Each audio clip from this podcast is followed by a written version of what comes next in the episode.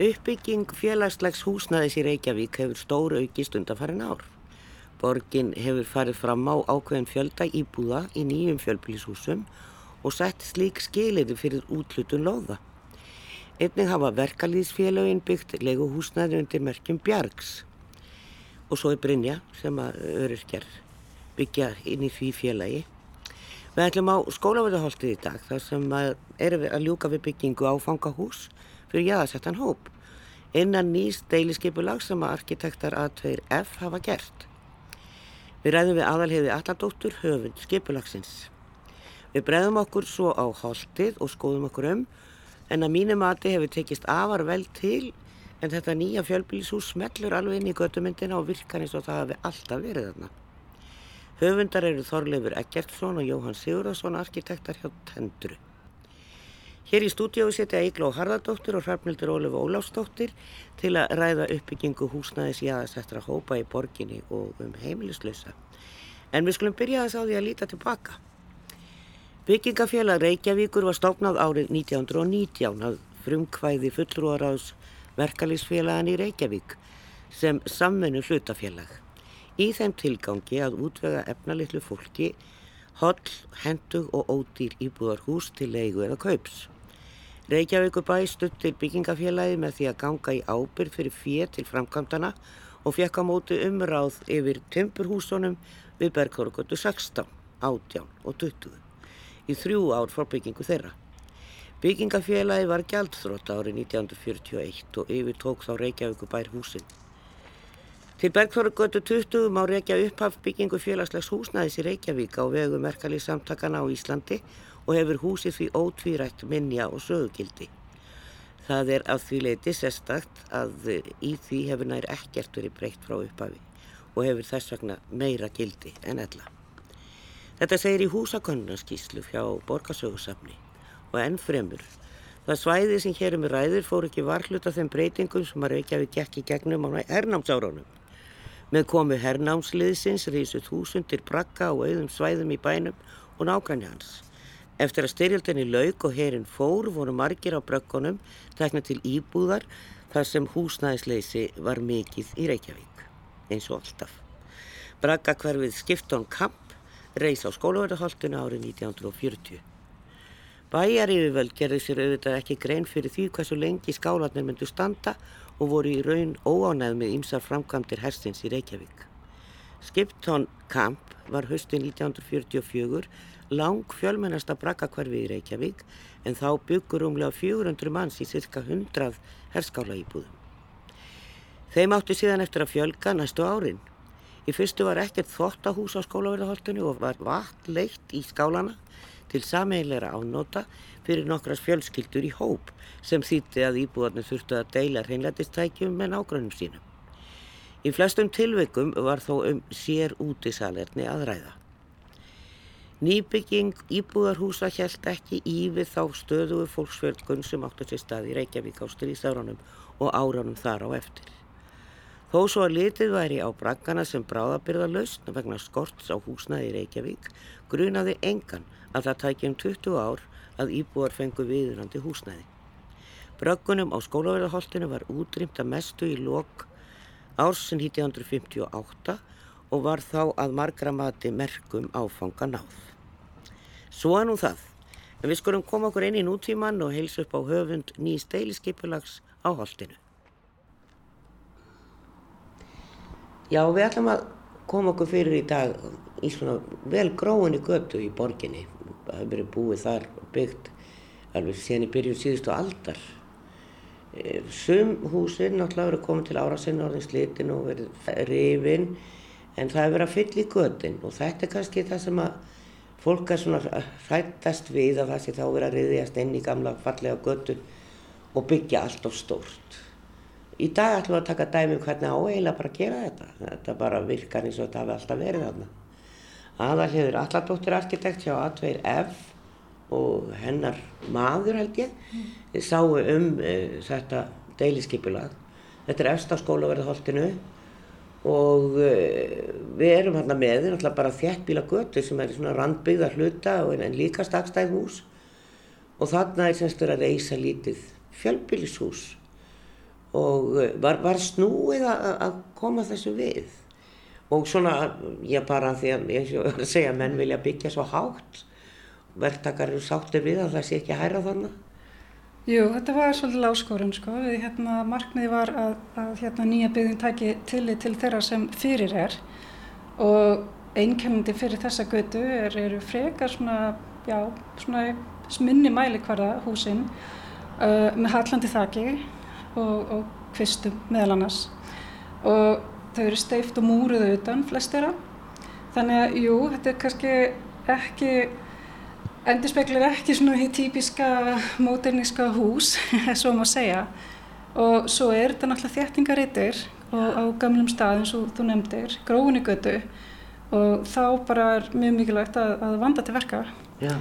og þannig að þetta fléttist allt vel saman inn í þetta. Og hérna efnisvalið og formið sé bara vel ígrundað og þannig já okkur verkefni var sem sagt fólst í því að hanna þennan ramma í kringum hérna húsin. uh, þar að segja þú veist hamarkshæðir uh, það kalla efnisnotkun, uh, kvisti og svo framvegis.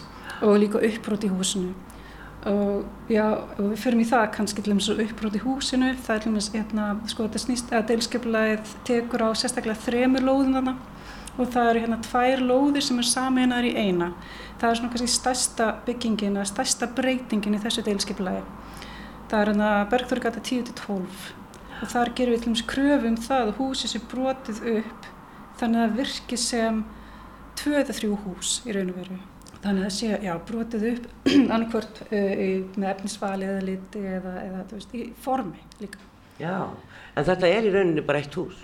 Þetta er eitt hús, já, já. lóðin var saminuð núna í, í þessu tilskiplægi, sem sagt. Já, en svo er eitt þarna aðeins lengra, straxstætt, e, líklega nummið 6, e, hvað, er, er það sami verkkaupi?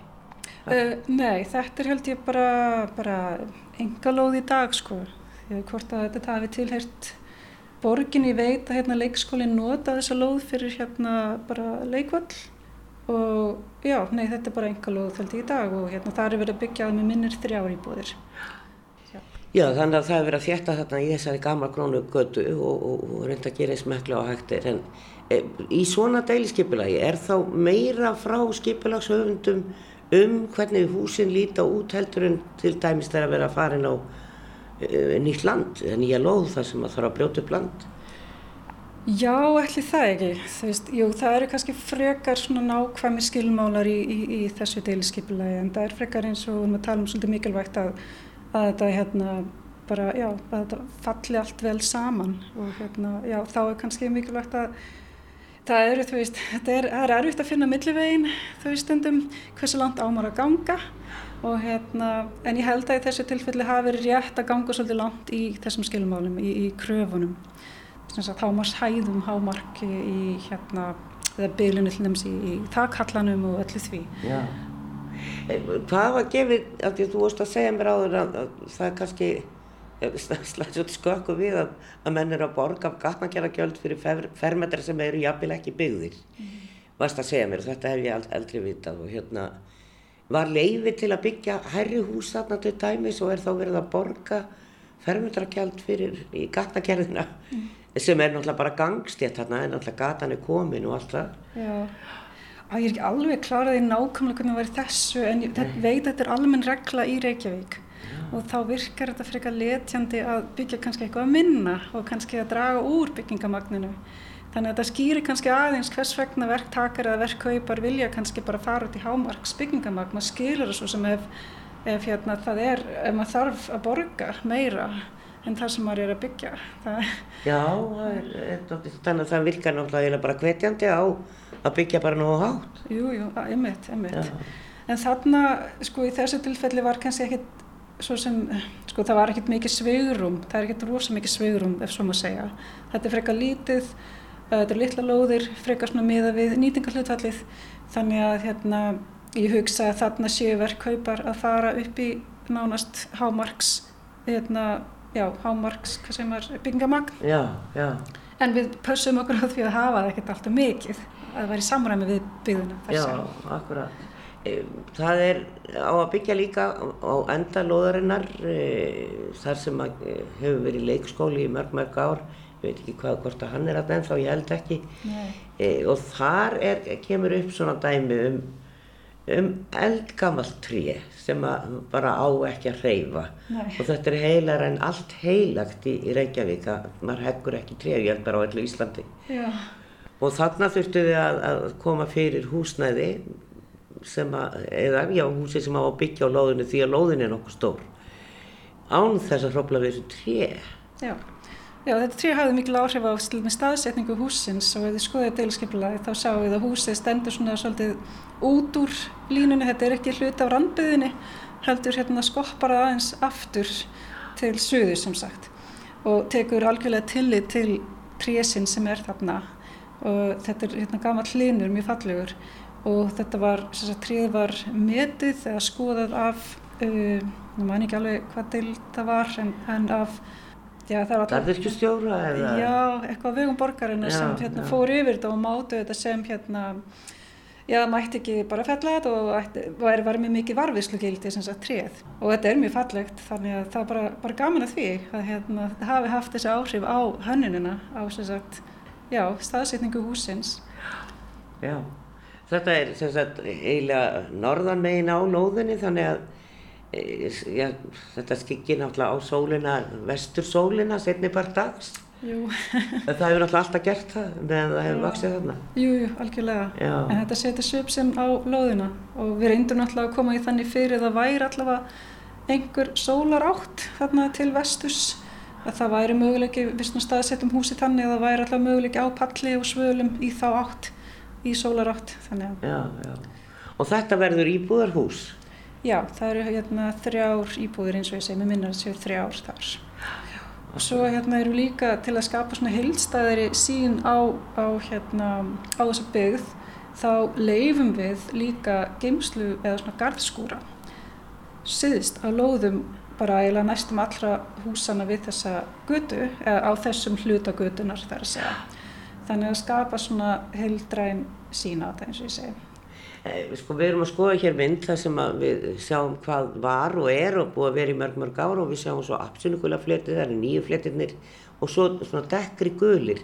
Er það þar sem ert að tala um sem eru þarna siðst á loðinni? Já, siðst á loðinni. Það er allavega gert ráð fyrir að megi þá byggja eins og ég segi garskúra. Það þarf ekki að gera það en það má. Þannig að þetta sé samræmi við eitt sem er hérna fyrir, þú kannski sér hann hérna að hann er grár. Já, já, já, umveit. Og svo líka kjölfarið á þessu, sko, sagt nýju, uh, bara þessari lóð þarna á 10-12 með því að setja þarna byggingu aftur sem var ekki mjög lengi, þar var húsi rifið held ég hvað 1950 eða eitthvað svo leiðis og hefur ekki staðið síðan, hús þar, heldur hefur þetta verið notandi bílastæði fyrir hérna, já, gamla yðunskólan eða tekniskólan í dag. Og hérna, þannig að við þurftum að endur aða bílastæðunum þarna á lóðinni hjá tekniskólanum í kjölfarið. Já, upp á holdinu. Já, upp á holdinu, veit. Já, já, já. En, en það var nú bara veist, aðeins að reynsa til og, og hafa skýra skipulega á því. Sagði aðalhugur alladóttir arkitekt hjá A2F. Það bætast nokkru nýjir íbúðar við göttuna við þetta deiliskeipulaga. En við skulum snú okkur að gestum þáttarins, ég sita Eigló Harðardóttir, fyrirvirandi húsnæðismálar á þeirra og Hrafnildur Ólaf Ólafsdóttir, deildastjóri í málefnum heimilislausa í Reykjavík. Velkomnar. Takk. Takk. Við erum þetta á svæði borginni þar sem að finnast nú þegar hún í Álskutu, Grethskutu jafnvel og nýri norðum nýri veit ég og Bjarnaborgin, það sem að er, eru félagsleg úrræði sem að borgin hefur á sínum höndum. E, þarna er sem sagt bara verið að bæta í. E, á réttu svæði, hvað, upp á blöndun, hvað segir þið? Reykjavíkuborg hefur lagt mjög miklu áherslu á sest, blöndun byggðar uh, og vera með fjölbreytt húsnæði og, og, og við höfum séð það kannski líka bara við horfum á húsnæðisögun okkar eins og til þess varandi uppbyggingu breðolsins eða bara neðra breðoltið hvað skiptir miklu máli sest, að vera með fjölbreytta tegundir af íbúðum sest, íbúðir, raðhús, sérbíli mismundi stærðir af íbúðum og blanda þessu saman. Þannig að fólk geti þá líka sérst, bara flutt innan hverfisins eftir því sem aðstæður breytast og, og, og það kannski við gleymum því svo oft að, að veist, aðstæður okkar breytast að sjálfsögur bara í gegnum árin og, og í gegnum lífið Já. og þess vegna held ég að þetta hafi verið þessi bara mjög mannleg og góð nálgun hjá Reykjavíkuborg að, að huga þessari, þessari fjölbrytni og þessari blöndun. Já, nú er náttúrulega eins og ég sagði hér upp að þá er borgin búin að breyta sínu regluverki þannig að það er ef það er byggt, byggt fjölbýlishús þá skal borgin fá einhvern ákveðin hluta íbúðum í þeim blokkum. Þetta höfum við ekki gert áður, við hefum ekki sett svona skilirði til verktaka og samkvæmt því sem að ég kem staðið að tala um verktakana þá eru menn bara vilt mjög sáttir við þetta. E, við höfum dílað svolítið við fordóma þegar fólk býr í bæjablokkinni eða þetta er félagsleir íbúð og þá ef eitthvað gerist þá er það bara kent því um að þetta sé fátagt fólk og það er í hjá félagsbústunum. Það fyrir kannski frekar að huga um þetta því hvort það sé það aðstæða fólk sem, sem orsaka erfileikana þannig að það er rafnildur. Já, einmitt. Hérna, ég veit ekki hvað ég get sagt sko, það er rosalega mikilvægt eins og eiginlega nefni með blöndum byggða og, og allir sé velkomnir í, í öll hverfi og, og hérna og, og erfitt að vera að dæma fólk fyrir aðstæðana sem það er í, alveg svo þetta sem þú nefni með að búa í fél og íbúð, maður náttúrulega vonar að það sé að þurkast út með tímanum en maður ágjörða það sé ekki að gera það. Nei, en þegar það byrði svona fjölbýlishúsin í grói hverfi og þá fer þetta náttúrulega grendakynningu hafið þið orðið bara við að það, það séu mótmæli út af því? Af því að það kemur nú gætnanu upp. Um, Ég, ég kannski, það er náttúrulega hafa alveg komið dæmi hana, sem ég held að Hrafnildi kannir svo sem ágjörða uh, við uh, og auðvitað náttúrulega er það þannig að sérstaklega þegar þú ert að, að þjætta byggð eins og hefur náttúrulega verið ekki bara stefna Reykjavíkuborgar heldur bara allra sveitafélagana hér á höfuborgarsvæðinu að nýta veist, þá innviði sem eru til staðar og, og, og jafnvel í, ja, í grónum hverfum það sem, sem íbúðum eru farin að eldast og það er fækka mjög skólum veist, að fara þá inn og, og koma með nýtt húsnaði að að auðvitað náttúrulega því það að, að, ykkur er ósáttur við það að, að það sé, hlutur sé að breytast í kringu það allt í en að koma kannski blokk akkurat fyrir framann það sem þú taldir að væri þinn græn reytur og, og hann á þitt útsinni og svo ég talin ekki um náttúrulega viðkvæm okkar varðandi tré sem við höfum eitt kannski 40 árum í, í að rækta og þannig að, að þetta er bara mörguleiti mjög skiljarlega sérst viðbröð en ég held líka að, að það sé svo kannski umræðinni, mér fundist það svolítið ósangjantur en að gagvart höfuborgin okkar Reykjavík að menn hafa alltaf verið bara að benda sérst á þessi bara Reykjavíkuborg sem ég segja standi í þessu, ég bara hvet fólk til þess að kíkja í heimsó til þess á Kársnesi í Kópóinum, það sem er náttúrulega verið að þjætta verulega byggð, Hamraborgin er an, annað dæmi, þannig að það, það má segja að, að það eru öll sveitafjölunni eru svolítið sérst að hér á höfuborgarsæðina að huga því að hvernig þeir geta spara sér að byggja hérna nýjar götur og leggja nýja lagnir og nýja skóla og nýja leikskóla eins og veist, var aðeins sér tala um og frekar að nýta fjárfyrstingunum betur með því að það sé kannski að bæta við hérna litlu fjölbilshúsi hér eða hæð ofan á veist, það sem er fyrir. Já, nákvæmlega. En, en svo við höldum okkur við þá heimlislausu því að margir af þeim sem einmitt leia íbúður hjá félagsbústöðum hafa verið húsnæðislausu lengi og hafa verið lengi á bygglista eftir að komast í húsnæði. Uh -huh. En svo er það þeir sem er á götunni og það er alltaf bara versta ástandið uh -huh. og við eigum þessi smáhísi uh -huh. sem að virðist bara ekki vera hægt að koma inn í borgarlandið. Hvað segir um það?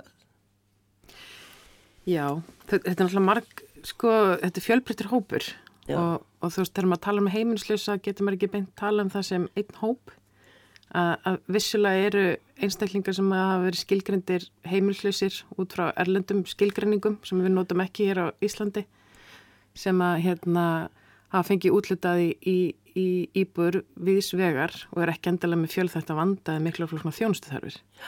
En við erum náttúrulega að sinna ákveðnum hóp hérna sem er minni hluta, eða sko svona lítill hluti af heldar mengi heimilslausra sem er með mikla flokna þjónustu þarfir og við hefum vissilega útlötað þeim hérna uh, íbúum hérna í Reykjavík. Fleiri en áður og hérna það hefur verið mikil aukning síðastlegin ár, síðastlegin tvö ár, eitt, tvö ár.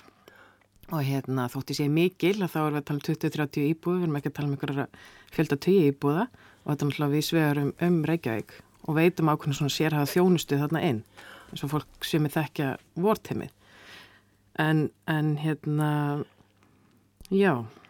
Sko, þessi smáhísi nú voru sett nokkur upp í guðunis, ég veit ekki hvort þau eru þar enn, það var náttúrulega mótmæli strax þar og, og kom einhver vitleisa upp e, sem var lasum í blöðum og þau blöðin eru fljóta að pekka þetta upp ef eitthvað er. E, en það er með þessi hópur vor, er, er hann starfandi og eru smáhísin komin á fleiri staði eða er þetta bara hann upp í guðunisi? Emmitt, já það eru komin hérna smáhísi sem að hérna að í hérna uh, hlýðana, skóvalíðina og klesmýraveg sem að hérna eru ekki, ekki komin til útlöndurna samt en það stýttist í það. Og, og, en með smáhí sem við náttúrulega höfum verið innlega hugmyndafræði housing first, húsnaði fyrst síðast hlýðina ár, við náttúrulega bara með ný samþýtta stefni í þessum máluflokki og bara 2019 og hérna og vissilega passa smáhísi ekki beint inn í þá hugmyndafræði þóttu þau gera það að ákveðin leita því þú náttúrulega þarfst að hafa eitthvað fjölbreytt og, og eins og stanir í dag á Íslandi þegar maður alltaf byrja okkur sama við löndin sem standa sér best að, hérna, að það verður að hafa þessa fjölbreytni eins og stanir í dag. En þú veist, ég get alveg sagt það að, að, að Guðvinnesi var aldrei fyrsti kostur á, á okkablaði og, og það voru verið að leita að lóðum í langan tíma og hera fólki að, hérna, að leita á lóðum og því lít flóki ferli. Já. og þetta var eina lóðum sem náði samþygt 2020 mér finnst það miklu meira að lýsa einhvern veginn stöðinni í samfélaginu og mögulega viðhorfum. Og hérna að, að þetta hafi verið eina lóðin sem að náði samþýtti, svona afskjækt Það er verið að tala um, sko það er náttúrulega ómöður að þetta fólk er ekki á bíl og, og er örglega ekki í ástandi kannski til að keira bíl strætói langt í burtu þarna, það er ágættis gönguleið og upp langa brekku og svo smá gangur sko alveg í spöngaldi til að ná í, ná í strætó, þannig að það er engin búð og ekkert, en það með nóbygglega breytast þarna á nánustu framtíð en fram að því er ekkert. Ég held að það sé hins að mjög mikilvægt að við náum einhvern veginn umræðinu um húsnæðismál fólk sem er sest, hvað í vesturstöðu samfélaginu útruna smáhísumræðinu og ég held að svona rafnildur sé kannski aðeins sem þetta að, að benda það að þegar við horfum á það sem þeir sem hafa staðið sér best í að huga að þeim sem eru heimilslösir að þá hafa menn oft bent á Finnland sem, sem ákveðna fyrirmynd og þar sem sagt gengur housing first hugmyndafræðin út á það að í staðin fyrir sem sagt að svona áfangaskipta eða vera alltaf að skilir það raunar að þú þart að ná einhverju ákveðnum markmiðum áður þegar þú færð varalt húsnaði að þá færðu varalegt húsnaði strax í upphafi. Þannig og það er ekki smáhísi heldur það eru íbúðir sem sagt bara full, fullmótaðar íbúðir. Þannig að bara sambarlegt eins og bara hver annar og síðan færðu stuðning frá svona frábæri fólki eins og Hrafnildi og, og hennar starfsmönnum sem styðja þig, veist? þannig að þegar áföllin verða, þegar þú fellur, að þá er einhver þannig til þess að bakka þau upp og hjálpa þér hérna aftur sagt, á beinubrautina en það þýðir ekki sama sem að þú missir húsnæðið þitt og þannig að ég veist kannski líka svo mikilvægt einmitt bara svona útræðis bara að vera að tala um húsnæði og lífsgæði að Sko, hver, ég held að það getur ekki verið að, sérst, ég held ekki fjölskyld á Íslandi sem eigi ekki einhvern sem eigi við áfengisvandastríða, sem mögulega hafi fíknavandastríða, sem eigi við geðran vandamálastríða, einhver líkamlega vanda, hafi lent í erfileikum, fjáraserfileikum en hafi samt ekki mist húsnæði sitt. Þannig að hafi haft það stuðningsnett til þess að, að, að raunar að vinna sér þá út úr þeim aðstæðum eða jafnvel búa áfram við sinn vanda en það er ekki búa að viðkomandi er ekki komin á göttuna. Mm. Þannig að það er kannski verið að munur eins og vorum að nefna hérna varðandi skjólstæðingan sem hún hérna má segja að Rafnildur hefur verið að sinna jafnvel ekki bara fyrir þeir sem eru með lögheimili Reykjavík heldur jafnvel á landsvísu að það, þetta eru þá ofta fólk sem hefur þá ekki haft þetta bakland sem aðrir hafa og, og ég til allan að, að hérna, við uh, náðum til dæmis mjög, sérst, mjög stór áfengi uh, sem var árið 2015 þegar við sömdum við verkefliðsefinguna um uppbyggingu á, á almenna íbúðakerfinu síðan þá höfum við séð mjög mikla fjölgun á húsnaði fyrir fólk með lágar tekjur. Það er bara einfallega vera að horfa á að allir eigi að, að geta búið húsnaðsöryggi óháði hvaða tekjur þú hefur. En ekki að við séum að flokka fólk kannski upp með þessum hættir en að hvernig þeirra persónlega aðstæðar eru heldur við reynum bara að hjálpa fólki sem það er. Og eins og heyri bara á mér þetta er, þetta er mikið ástriðumál hjá mér. Og, hana, og, og við verðum bara ítrekka það að einhvern veginn að ná að koma úr þessar umræðu um smáhísi og lóð, staðsendingu á lóð, hérna, lóðum þeirra heldur bara hvað við erum að reyna að gera mm -hmm. með, með, með því að hjálpa fólki Já, ég, það er undir alveg sammála á þessu, þessu húsi eru hérna einn 25 stykki og svo er inn í einhverju porti og en þetta er náttúrulega líka, við erum strax búin að merkja þessi hús, við vitum hver býr í þessu Já. húsi mm -hmm. og það er kannski sko gallin við þetta að, að þessi smáhísi að mm -hmm. þú ert meðlega bara með skildi, ljósaskildi hér býr manneska í vandraðum Gunnarsholt syndrom sko Já. þetta er svolítið erfitt sko en þetta er svo mikilvægt sem að eigla ára nefna að hérna með, með stuðningin að því að það gleymist alltaf að þetta, þetta er ekki bara félagslegu vandi, þetta er líka heilbríðisvandi og þetta er alveg uppaflega heilbríðisvandi í mörgu tilfellum. Þegar á þessum stafin mikla flokna þjónustu þarfir og svona löngsaga, við erum með fólk með alls konar hérna litur á, af alvarlegum geðvanda og hérna og vanrækslu og ýmslegt í, í kringum það og sama hvað við reynum að þróa góða þjónustu út frá húsnaði fyrst hugmyndafræðinni að, að það náum við ekki sama árangri og, og, og við viljum ná ef við erum ekki með vettvánshelbriðstjónustu. Það er ekkert geðhelsuteimi fyrir heimurisleysa til dæmis. Nú búin að stopna nokkuð geðhelsuteimi og mjög fallegt og mjög flott hugmyndafræði og svona svipi humdur að við erum að byggja okkar þjónust á en, en, en það er ekki til neitt geheilbríðsteimi fyrir, eða geheilsuteimi fyrir, fyrir þennan hóp og inn, inn í svona húsnæði til dæmis. Það er, ég veit að þú hefur eitthvað verið að sinna heimilislausum á bólusetningum Já. og COVID og ástandi, heimsfaraldurinn hefur nú ekki lagað ástand þess að fólk sem er í þessu vandræðin. Hvernig, hvernig gengur það að fá fá til að bólusetja sig þá eða þær og, og bara allt þetta fólk. Og, og gera þessi grein fyrir stöðinni Emmitt Sko það er bara jafn misjamt og, og annar staðar í samfélaginu. Þetta er náttúrulega ferskurinn á samfélaginu í neyðaskilunum og hérna og þarna eru mjög upplýstir einstaklingar. Þetta er ekki fólk endilega sem fylgist ekki með fréttum. Og bara mjög hérna, hérna velgefnar einstaklingar. Og, og auðvitað hefur fólk sína skoðanir. Þannig að það hefur bara verið mismunandi. Og hérna, sumir hafa alveg hoppa á vagnin Já. og aðrir bara eru skeftískir alveg og allstar annars Já, það, ég skil það, það er eins og ég segi greindavístalan er ekki þann til að þarna vært það held ég ekki. En hérna og er, ég held að við þekkjum fólk í, í hérna dýrustu hverjum bæjarins með hæstu teikunar, meðalteikunar sem hefur ekki viljað bólusetja sig. Og ég hefast ekki um að það eru einstaklega líka með lagstu teikunar og, og hérna sem hafa ekki viljað bólusetja sig. En svo eru við líka sjálfsögum með þá megin þóra fólk sem segir já og, og hlustar að það sem heilbrið sig vildir að segja sko. Já, já, en þetta er náttúrulega sko, ég hef svona velta fyrir mig hvort að ástandi hafi versnað í í þessum faraldri, bæði på þessi nálaða mörg og allt það sem er verið og grímur og, og annað er, er að fjölga eða er, er verið ástandi Emmi.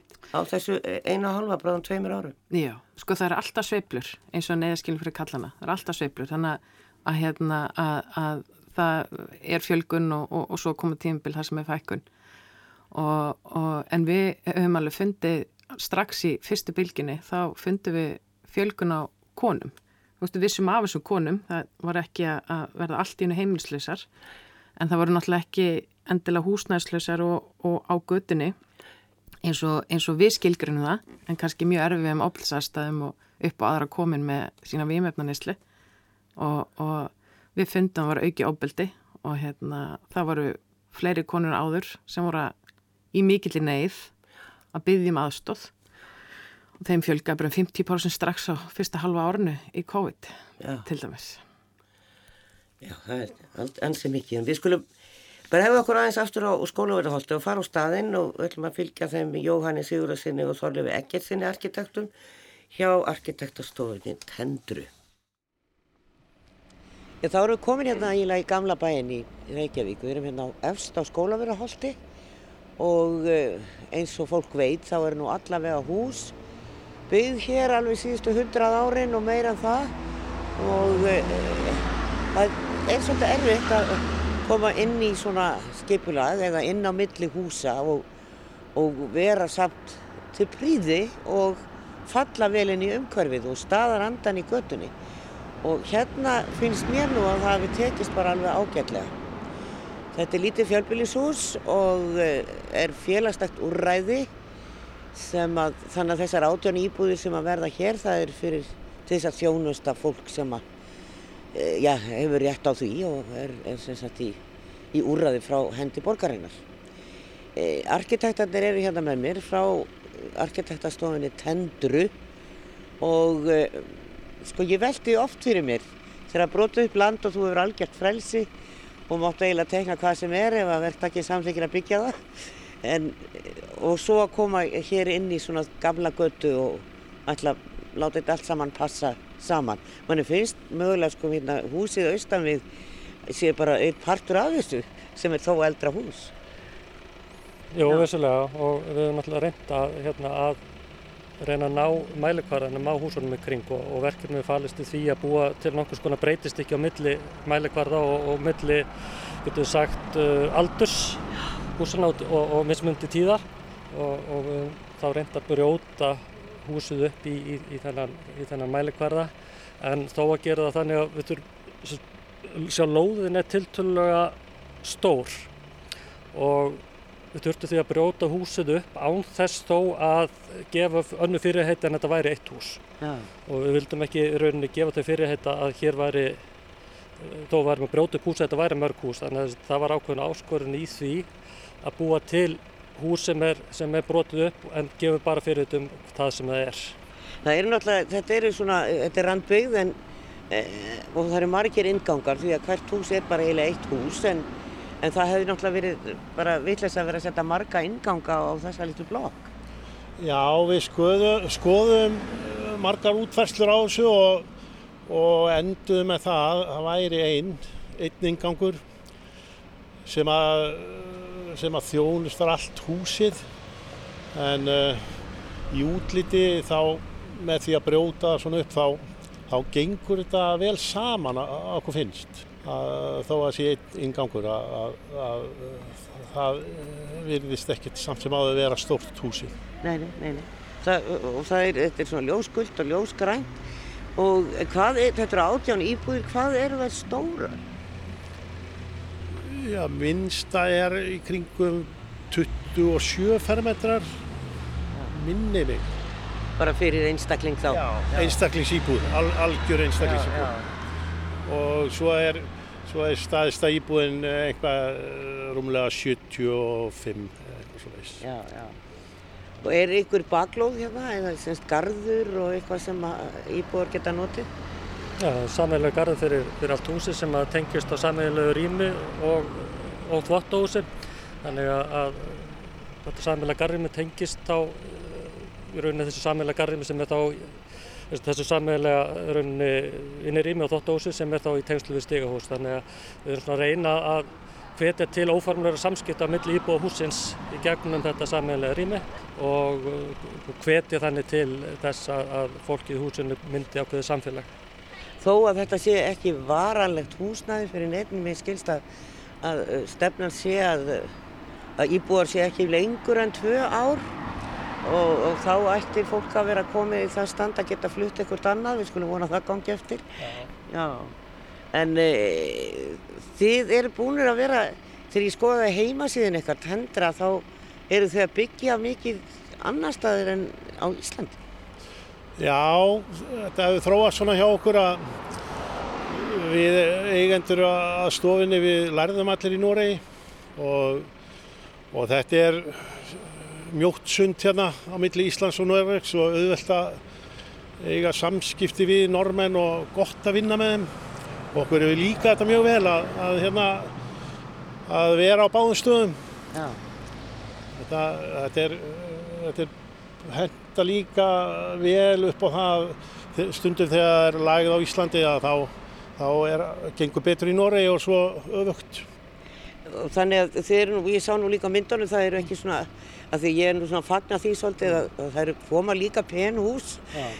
þá er ég meina svona stærðarlega séð í borginna því að við erum náttúrulega búin að sjá gríðarlega mikið af stórbyggingum, stórum blokkum, alveg upp í 7, 8, 9, 10 hæðir og þröngt og þjætt en e, það sem við hafum verið að byggja úti það eru líka svona stærri fjölbilshús. Já, við höfum verið að byggja tiltölu stór fjölbilshús alveg upp í, upp í 60 íbúður sko mest og oft er ekki að götureiti sem samanstanda af nokkru byggingu sem við höfum verið að gera. Þannig að við svona, það er lögð mikil áherslu á það í, í þessum verkefnum að, að, að reyna að átta sig á hver markkópun er og hvað fólk er að fara að búa, að reyna að búa til lausni sem henda mismöndi markkópnu og mismöndi einstaklingum og fjölskyldum. Og, og svo náttúrulega erum við auðvitað líka alltaf að draga reynsluna millir landa. Annars vegar að eru náttúrulega ákveðin hluti sem er gerður öðruvísur Noregi og þá reynum við að taka þá yfir og, og svo akkurat öfugt líka. Já. En, en normendir líta ekki á okkur sem alveg utan að komandi sko, það er greinlegt að þeir líta á okkur sem, sem hérna gamla, segja, gamla normenn og, og við erum svona Þessi við séum ekki alveg útlendingar og, og þetta er ótrúlega líkur, líkur menningarheimur og, og gott fyrir okkur að vinna þér og, og mikil skilningur á milli. Já. og já, ég, svona, mér finnst að þannig að þú báðu góða sað, það ég vona það. Þetta er jáðsættur hópur getur við sagt sem kemur til með að búa hér. E, voru eitthvað sérstakar kröfur e, í samvættu öryggismál eða eitthvað slíkt? Já, það hefur verið reynd að, að aðla þetta svona þörfum þeirra sem að ætla að búa hérna. Þetta er ekki, þetta er ekki þannig að, að, að þetta sé óaðgengilegt en, en það er eins og með garðin að það er, það er góður steiftu veggur í kringum hann að sunnaverðu. Þannig að, að það er hægt að hafa börn þar úti og vera örugum að þau hafa gott. Í dag eru svona öryggismál í fjölbílushúsum, þau, þau hafa aukist. Það eru konar myndavelar og, og svona uh, miðstýrðalæsingar og aðgangskort og annað sem, a, sem að hjálpar til við þetta. Þetta er, þetta er í rauninni ekki, ekki flókið í dag. Það mátt ekki vera bárjótt hér. Þó eru Bárjás hús hér og mér setið frækt lag sem er kent við þessa götu en, en uh, hér er samt meira og, og minna stift hús. Þau eru múruð og máluð.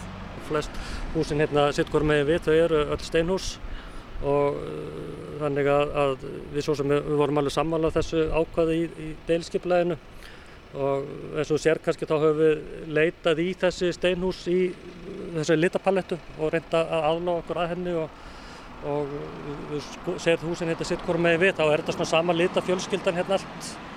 Og við ákvaðum í rauninni bara að, að prjóna við þessi litafjölskyldu. Fara ekkert að koma neitt neina nýja, nýja liti hérna inn. Nei, nei. En þetta, eins og ég segi, þetta, er, þetta virkar þegar maður kemur hérna núna og ég er búin að vera að fylgjast aðeins með þessu og þá virkar þetta eins og þetta hafi bara alltaf verið hérna. Það, maður man ekkert eftir því hvað var hérna á undan, áður en þetta, þessi blokk kom. En það voru bara lítil steinhús eða ekki, sem að voru hér. Já, það, það stóð, einmitt, það stóð á sín tíma lítið steinhús hérna inn á lóðinni og ískólinn nota þetta svæði oft til þess að byggja, vera með verklega kennslu í, í smíði á, á sumarhúsum. Ah. Þannig að, þetta, og svo bílastæði, þannig að, að þetta er, þetta er ný, ný notkunn að séu svona margir íbúðar sem koma hérna. Já. Það er margir íbúða fyrir að fá að bíla. Já, með mig. Það fóru einn ein, ein bílastæðalóð í viðbót. Ef við kannski átt að kíkja hérna með. Hvar fyrir við inn? Við getum það. Bara... Já, við, við getum vilt áfram hérna.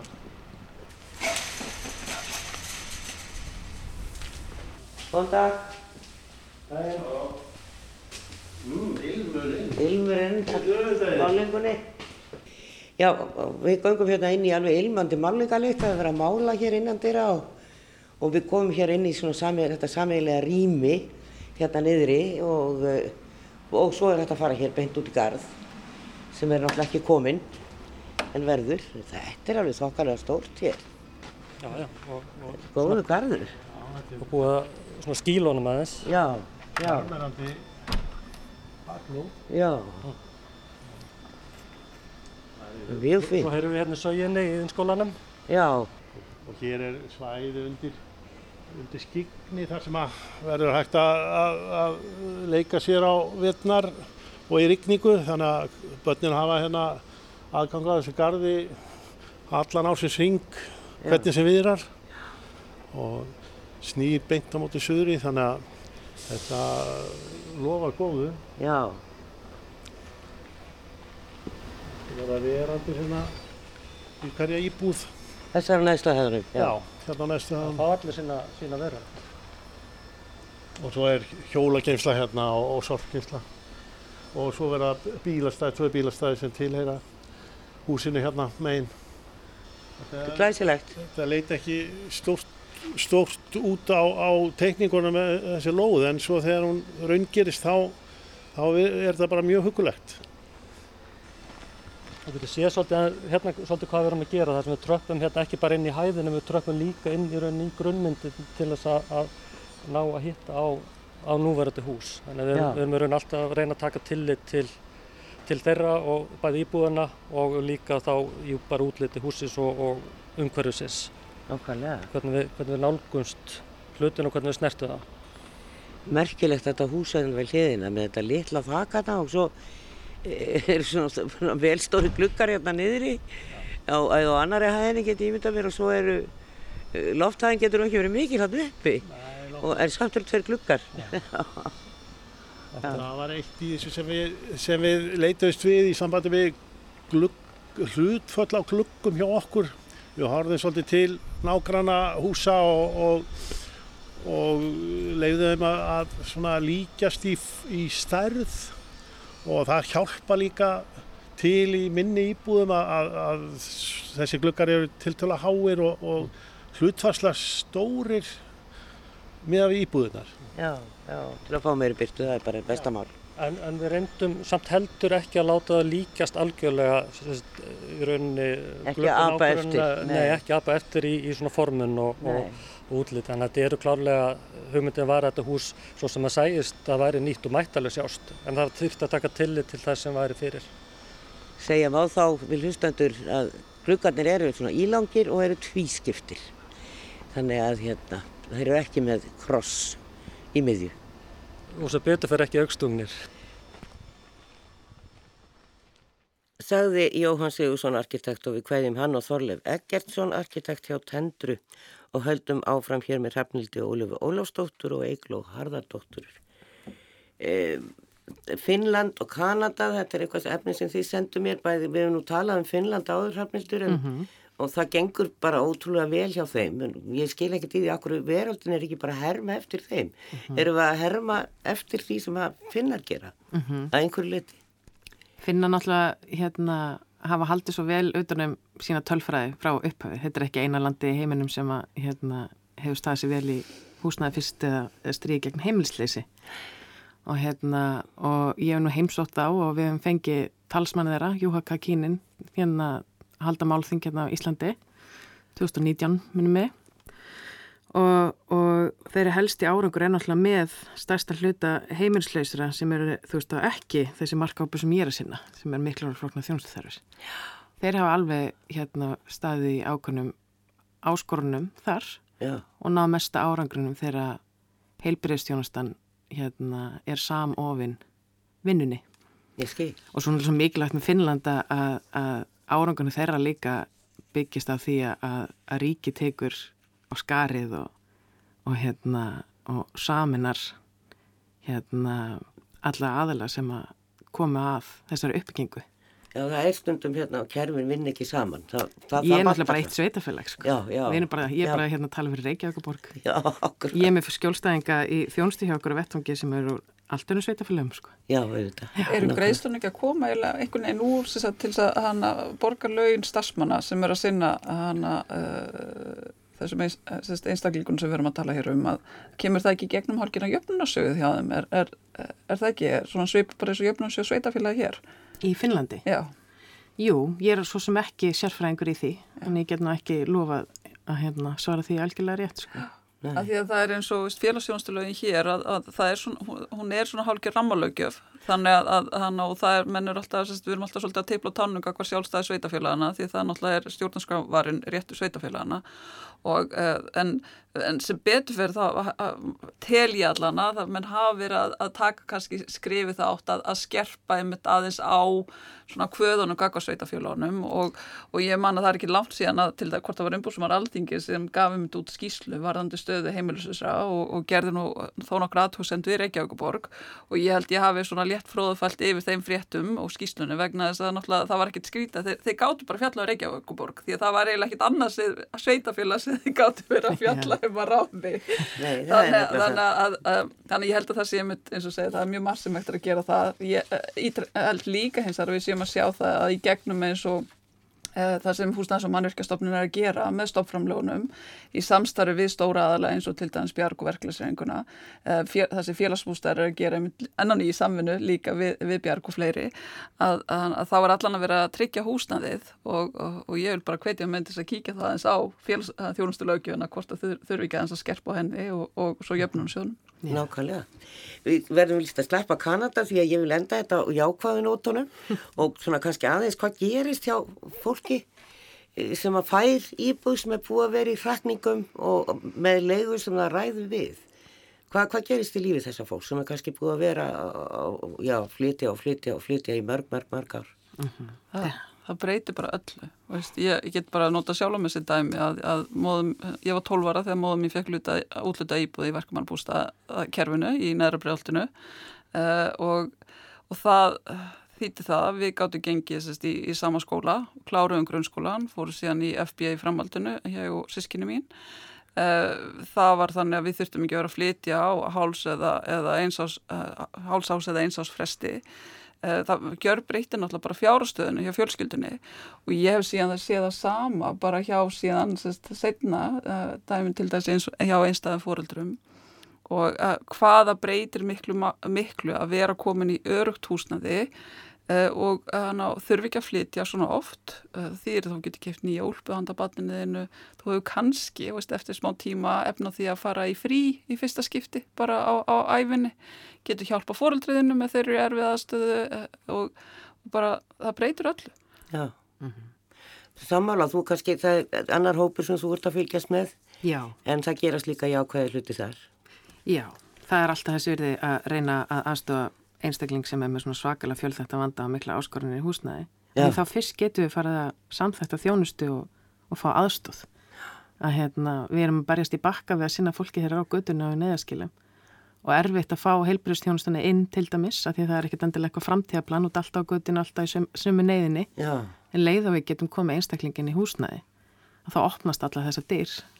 Þannig að Og þetta er talað til þess bara um varandi eins og flótamenn og að, að þegar við erum að taka mútið flótamennum sem er að koma bara úr stríðsastæðum þar byrjum við að tryggja húsnæðið. Yeah. Við byrjum á að, að bara fólk viti það að það getur lagst á kottan og sofið örugt yeah. að börnunni þeirra líði vel áður við fyrir síðan að, að hérna, það er kannski líða jafnvel ykkur ár áður fólk getur síðan fara að takast á við áföllin og, og, og vinna þá við annan vanda uh mhm. -huh. hérna sérst, bara áfalli við það að fara í gegnum stríð eða horta upp á ættinga sín og vini að bara deyja fyrir framann augunum og ég held það gildi bara nákvæmlega sama um, um heimilislösa það, það er náttúrulega að tala um það að það tekur jafn langan tíma og varst heimilislösa aðlæðast í að, að búa hérna, búa þær heimili Já. stundum tvisa sem lengri tíma.